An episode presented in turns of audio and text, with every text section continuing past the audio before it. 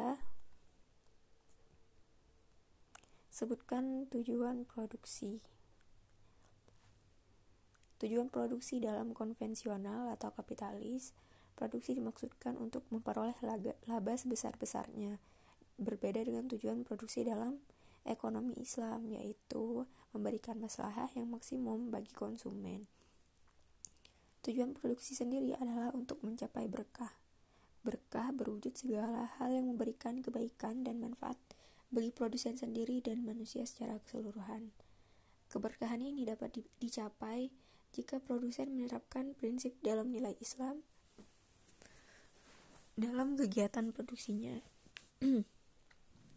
Berkah yang dimasukkan dalam input produksi meliputi bahan baku yang, di, yang dipergunakan untuk proses produksi harus memiliki kebaikan dan manfaat, baik di masa sekarang maupun di masa mendatang, dan merupakan bahan yang legal sebab berkah mempunyai andil yang nyata dalam bentuk output.